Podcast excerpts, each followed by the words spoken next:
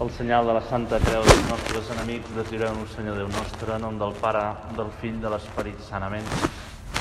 Senyor meu i Déu meu, crec fermament que sou aquí, que em veieu, que m'escolteu. Us adoro amb profunda reverència, us demano perdó dels meus pecats i gràcia per fer en fruit d'aquesta estona d'oració. Mare meva Immaculada, Sant Josep, Pare i Senyor meu, àngel de la meva guarda, intercediu.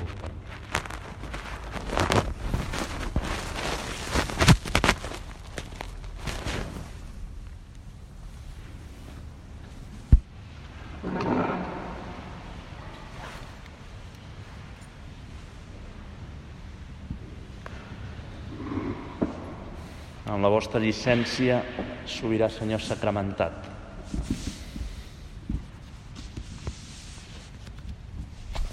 Estem en uns moments molt interessants. La sensibilitat davant la guerra d'Ucraïna ha portat a molta gent a treure de dins els millors sentiments, molta empatia, el desig de la pau, una gran solidaritat. A més, molta gent commoguda pel patiment de tants refugiats, de tanta gent que ho perden tot i que són molt propers, s'han mogut, no s'han quedat amb un síndrome de l'espectador que contempla les misèries i es lamenta però no fa res, sinó que s'han implicat. No s'han quedat amb un sentimentalisme egoista que es queixa però no fa res, no es compromet. Implicant-se, compromès fent més coses, recollides de menjar, enviar diners, anar a ajudar als camps de refugiats, acollir nens a casa seva. Jo estic segur que tanta generositat, fruit d'aquests bons sentiments, conmouen el cor de Nostre Senyor i li ajuden a lleujar tot el dolor que li provoca aquesta guerra, les seves conseqüències, tota la maldat dels homes. Tot això és una meravella. En una societat que qualifiquem d'individualista, on cada un sembla anar a la seva, veure totes aquestes respostes és una meravella.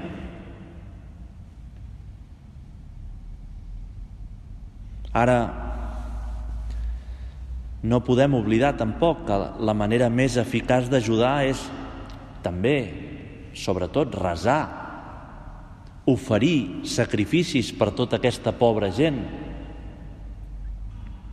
sense deixar de fer totes aquestes accions exteriors materials. Però no podem caure només en un activisme exterior de fer moltes coses, perquè també tenim aquest perill de ser activistes, de fer coses bones, volent arreglar-ho tot, Jesús, només amb les nostres soles forces.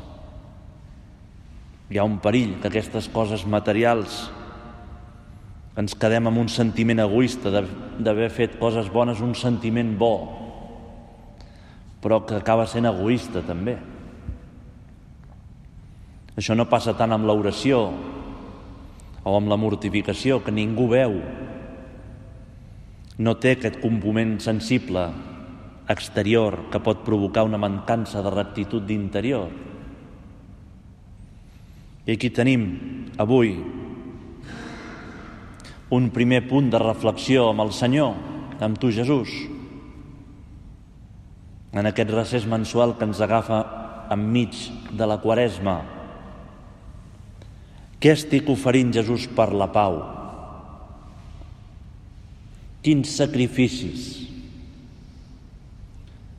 Com encomano quan veig per les notícies tots aquests desastres?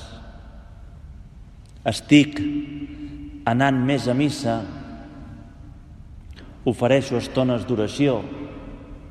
És la primera reflexió que podem fer. Encara tenim al davant tot un mes de quaresma i ho podem pensar, què és el que tu, Jesús, em demanes? Què és el que jo puc fer? Què et puc oferir aquesta quaresma? és un tema interessant, aquest de la pau. Fixeu-vos el que deia una antiga oració de Nadal. Mirant el naixement de Jesús, deia Avui ha baixat del cel per nosaltres la verdadera pau. Avui ha baixat del cel per nosaltres la verdadera pau. De fet, la Bíblia parla de la pau de Déu. Però amb més freqüència encara parla del Déu de la pau. Per això la pau no indica només el que Déu ens dona, sinó també el que Déu és és el rei de la pau. La pau és el que regna dins Déu i no només el que Déu ens dona regnant. De fet, la pau i l'amor són com els dos grans noms de Déu. Déu és amor, amb el mateix títol, Déu és pau. En l'antiguitat es pensava que eren els emperadors romans, els pacificadors, com si fos un atribut diví que s'atorgaven a si mateixos injustament. Així, a Roma es pot visitar el Ara Pagis, el monument de la pau, construït en la mateixa època en què va néixer Jesús, en honor de Cèsar August, que havia pacificat la Gàlia. El veritable pacificador és Jesucrist. La veritable pau és tenir Jesús. Per això quan desitgem la pau a algú, li desitgem que estigui Crist en el seu cor. I per això, poc abans de la, poc abans de la comunió, a la Santa Missa desitgem la pau. La pau sigui amb tu, Crist sigui amb tu. Que tu, que Crist neixi en tu. A la carta als cristians d'Efes, Sant Pau escriu Ell, Jesucrist, és la nostra pau ha fet morir en ell l'enemistat i per la seva mort en creu els ha reconciliat amb Déu.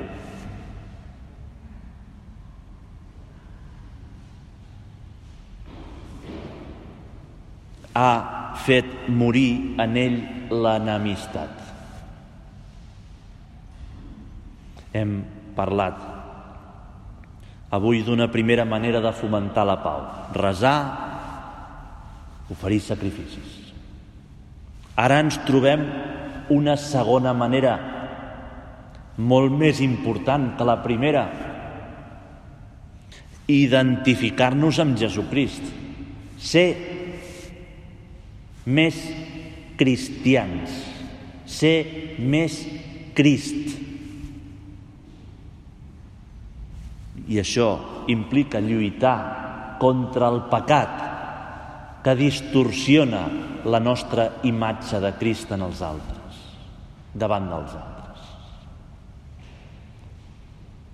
En, en, en aquest sentit, el contrari de la pau és el nostre pecat personal.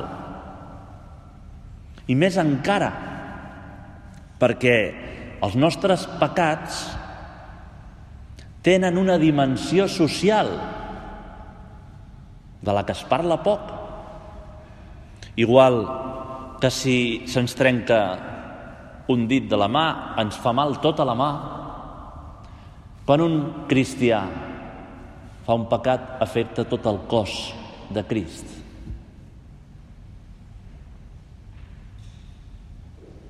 La dimensió social del pecat, què és el que provoca la mancança de pau? És com un efecte exterior. No només causa un desordre en nosaltres, sinó que també provoca un desordre en la societat, en l'entorn que ens envolta. Si jo envio molts aliments a Ucraïna, però no lluito contra la meva supèrbia, em puc sentir molt pacificador. Però jo sóc la causa de la guerra. Si jo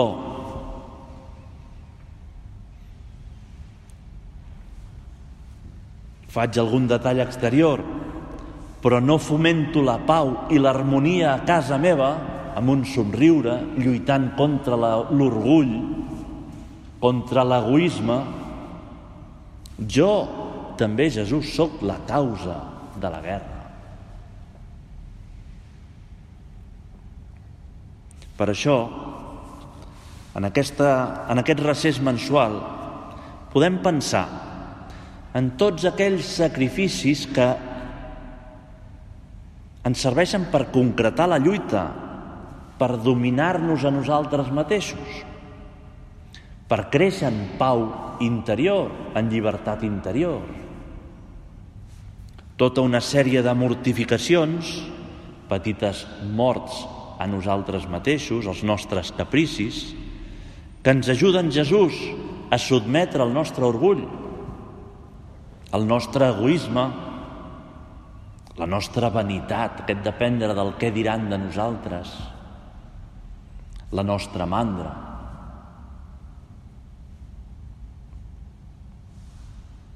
Pensar davant del Senyor si hem concretat aquests detalls, quins detalls podem concretar. I li podem demanar al Senyor Jesús, i ho dic jo en veu alta, en nom de tots, igual que la missa. Ajuda'm a lluitar tot això, perquè tantes vegades en el meu cor hi pot haver orgull, o mandra, o egoisme.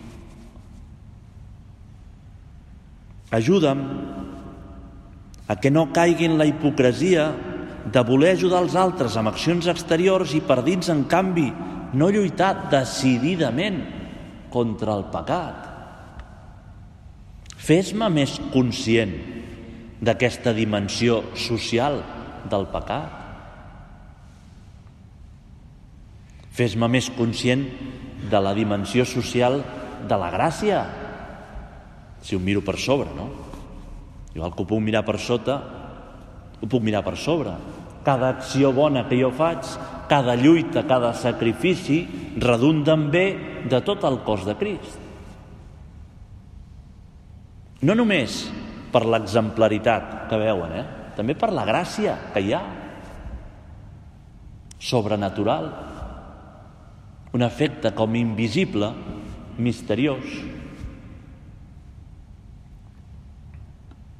Jesús, ajuda'm a lluitar, ajuda'm a concretar-me aquests detalls, sabent que d'aquest detall a casa, d'aquest somriure,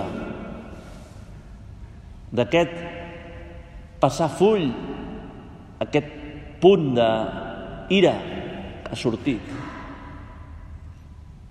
En depèn molt. Amb el meu somriure, amb la meva paciència, sóc sembrador de pau i d'alegria? Quan arribo a casa, després de la feina, un dia com avui, amb aquest ventot que fa, amb aquesta pluja rara, dono pau i alegria amb els comentaris, amb el somriure, amb els ulls. Dono pau i alegria.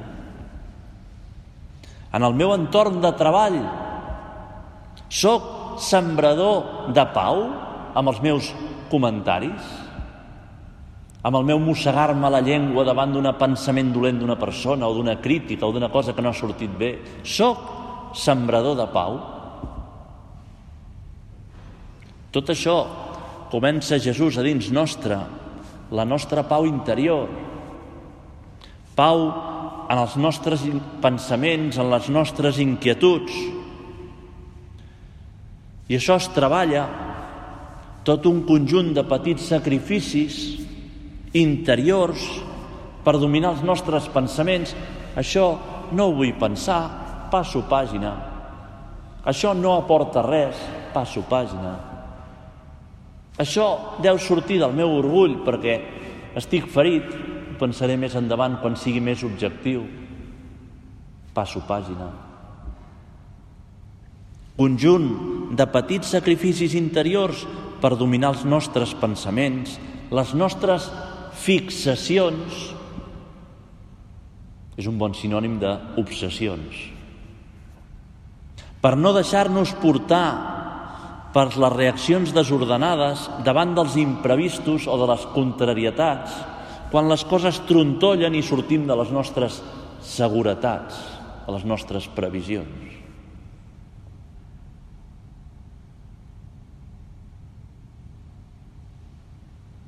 Aquesta pau interior que també ve de tot un conjunt d'esforç per donar més temps a Déu, oració, Eucaristia, confessió. Necessitem la teva gràcia, Jesús, tots sols no podem. Recolzar-nos en la gràcia per millorar els nostres defectes, per vèncer els nostres defectes.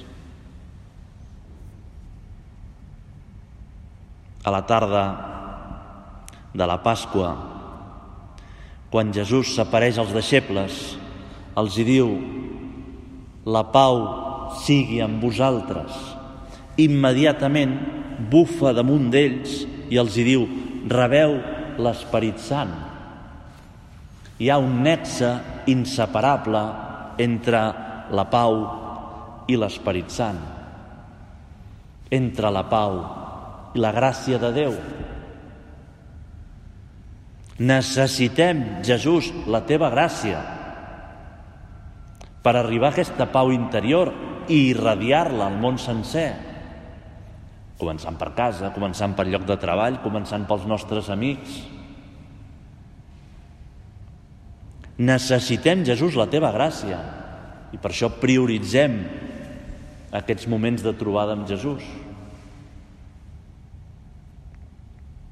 Necessitem també les teves llums, Jesús, la teva gràcia per conèixer més els nostres defectes.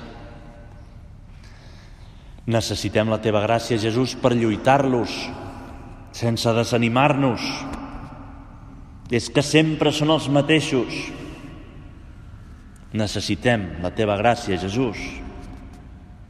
Només així aconseguirem irradiar aquesta pau cap en fora i donarem pau allí on estem. Aquells amb qui parlem, sembradors de pau i d'alegria. La pau sigui amb vosaltres. Els hi vas dir tu, Jesús, als apòstols, ens ho dius a nosaltres. I nosaltres ho diem al món, perquè som cristians. La pau sigui amb vosaltres. Fixeu-vos el que escrivia en el seu diari una autora espiritual, Eti Illesum, el 1942.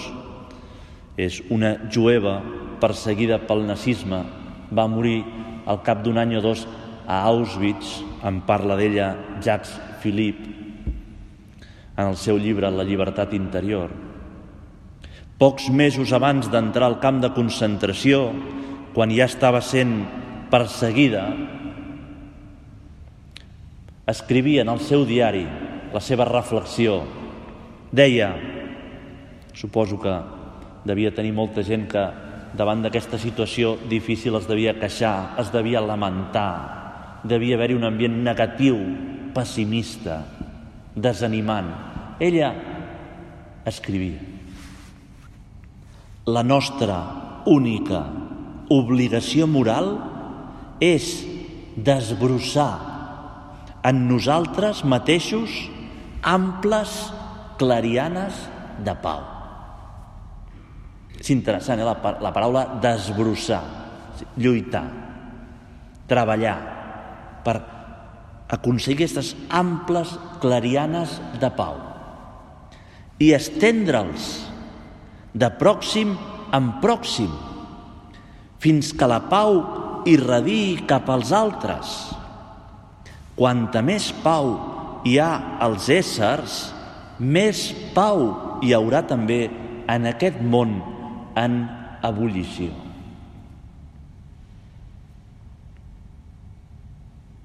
Desbrossar clarianes de pau a casa nostra, Jesús.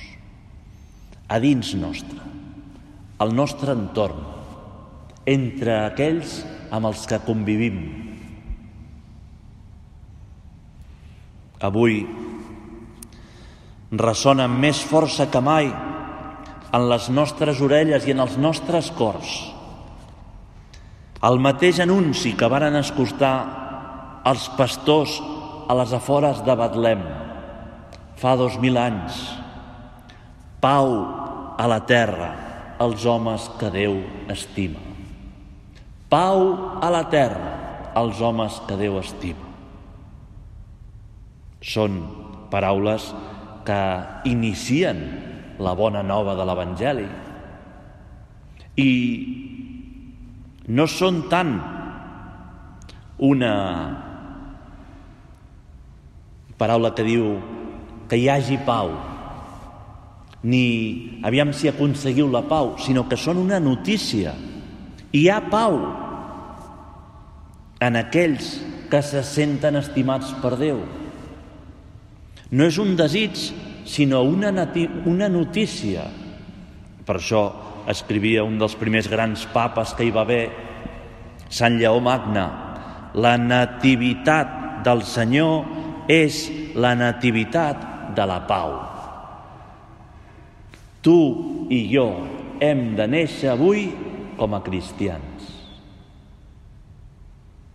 Tu i jo hem de néixer avui com a cristians. Hem de ser la pau.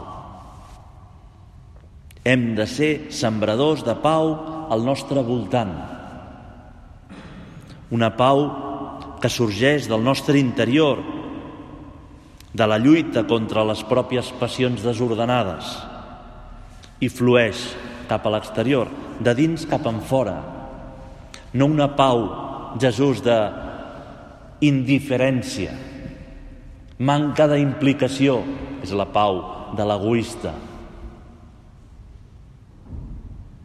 Sembradors de pau i d'alegria, aquells que el papa francès també ho deia amb una paraula molt maca, deia artesans de la pau. Artesans de la pau. Una persona que treballa per la pau, una persona que s'espavila, que busca noves maneres per donar pau, que talla converses negatives, que és positiva, que lluita per estimar.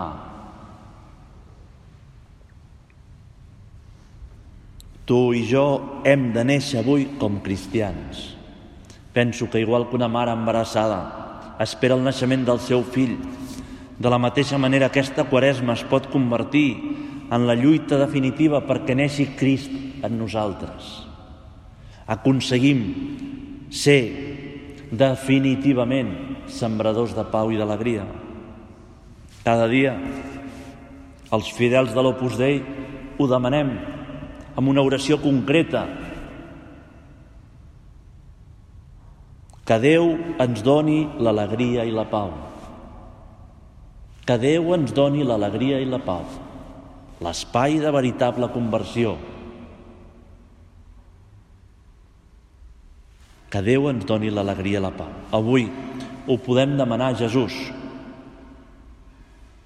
Podem oferir aquesta estona d'oració, aquest recés mensual que ens ha costat arribar aquí perquè el vent se'ns volia endur, i demanar-li amb intensitat al Senyor, Jesús, volem arribar a ser sembradors de pau i d'alegria, ajuda'ns amb la teva gràcia.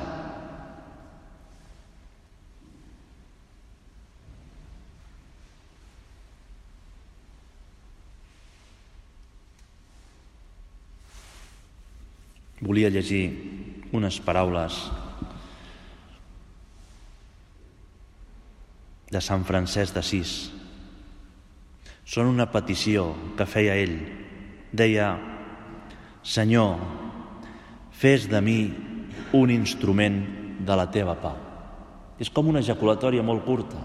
Senyor, fes de mi un instrument de la teva pau. Acabem demanant-li la Mare de Déu. Aconsegueix-nos, Mare Nostra, la força de l'Esperit Sant, la gràcia de Déu, el teu diví espòs, perquè siguem, perquè arribem a ser aquests sembradors de pau i d'alegria que necessita el món. No només el món llunyà, eh? necessita Terrassa, necessita la meva feina, necessita casa meva.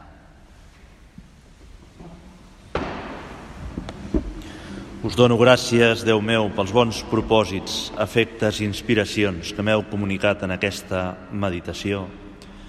Us demano ajuda per posar-los per obra. Mare meva Immaculada, Sant Josep, Pare i Senyor meu, àngel de la meva guarda, intercediu